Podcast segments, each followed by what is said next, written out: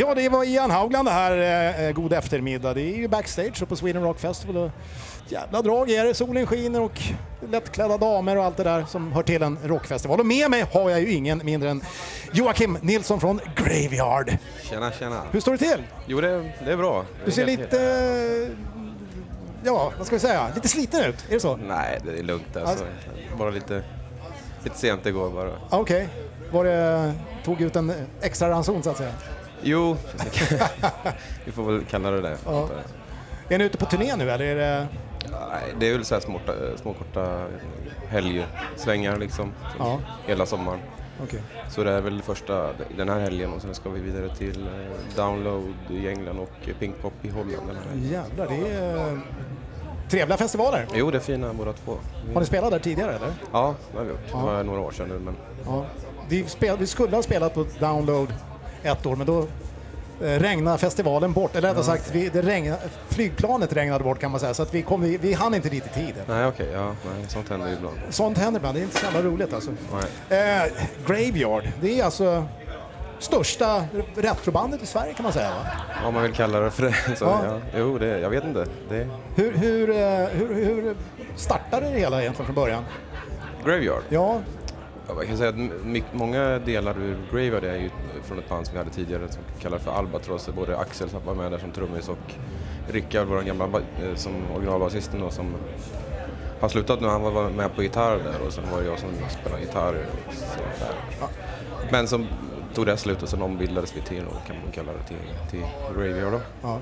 Men eh, det, vad ska man säga, genren som ni, har, som ni anammar är väl... eh, Ni är lite grann pionjärer i, i Sverige med, i, i den retro, eh, eller vad ska man säga, 70-tals... Liksom, Grejen på va, Kanske, jag fastnade i det här sedan jag var liten och spelat med, ett av mina första band var ett band som kallades för Norrsken med Magnus Blander som spelar Witchcraft och även.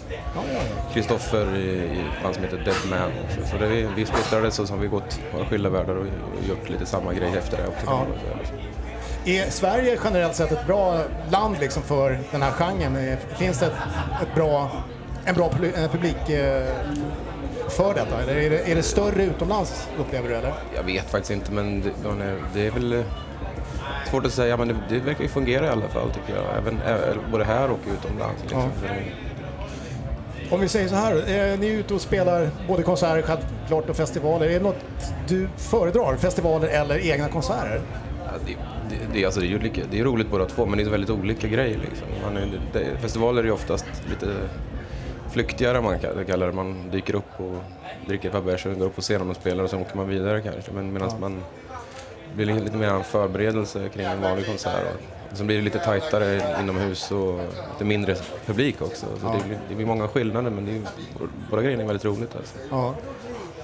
Ehm, festival, Sweden Rock Festival, har ni spelat här många gånger tidigare? Eh, två gånger tidigare tror jag. Jag, jag diskuterade vilket, vilket, förra, vilket år förra gången var, men jag tror att det var kanske 2012. eller- Men jag är ganska osäker. Det är lätt att blanda ihop begreppen, framförallt när man ligger ute på vägarna som ni gör hela tiden. Jo, det är det. Alltså man, jag brukar inte lägga sånt på minnet. Jag är ganska dålig på sånt. Ja, man har en turnéledare som håller ordning på de där grejerna. Ja, Gå dit, där har du hotellnyckeln och så Ja. vidare. Infinn dig i lobbyn klockan halv åtta på kvällen. jo. Eh, men jag tänkte på det, eh, Sweden Rock Festival, hur tycker du den, eller den här festivalen står sig gentemot andra festivaler ute i Europa som ni spelar på? Då?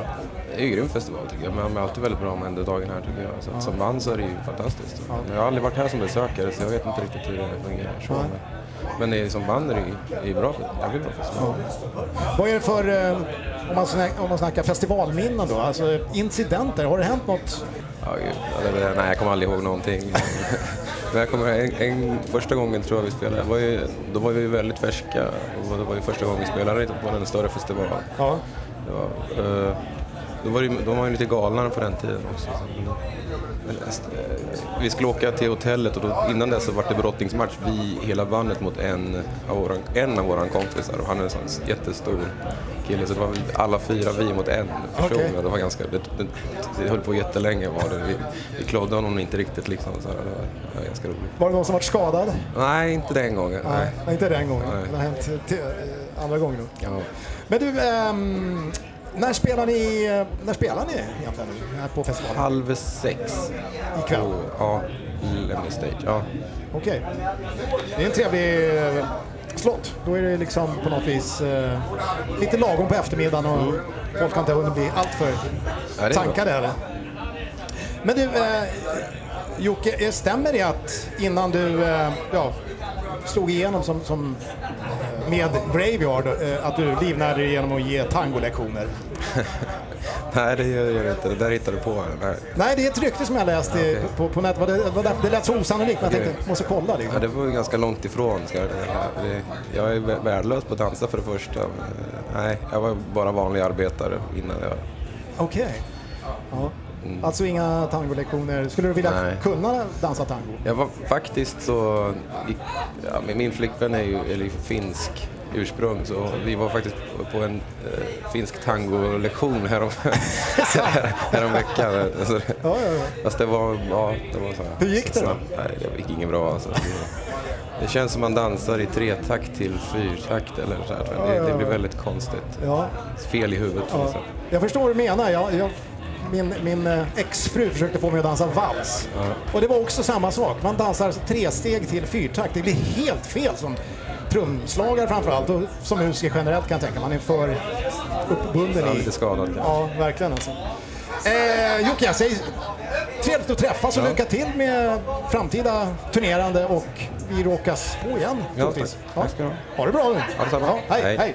Rockklassiker. Ett poddtips från Podplay. I fallen jag aldrig glömmer djupdyker Hasse Aro i arbetet bakom några av Sveriges mest uppseendeväckande brottsutredningar.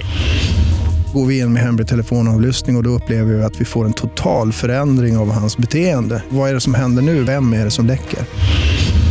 Och så säger han att jag är kriminell, jag har varit kriminell i hela mitt liv men att mörda ett barn, där går min gräns. Nya säsongen av Fallen jag aldrig glömmer på Podplay.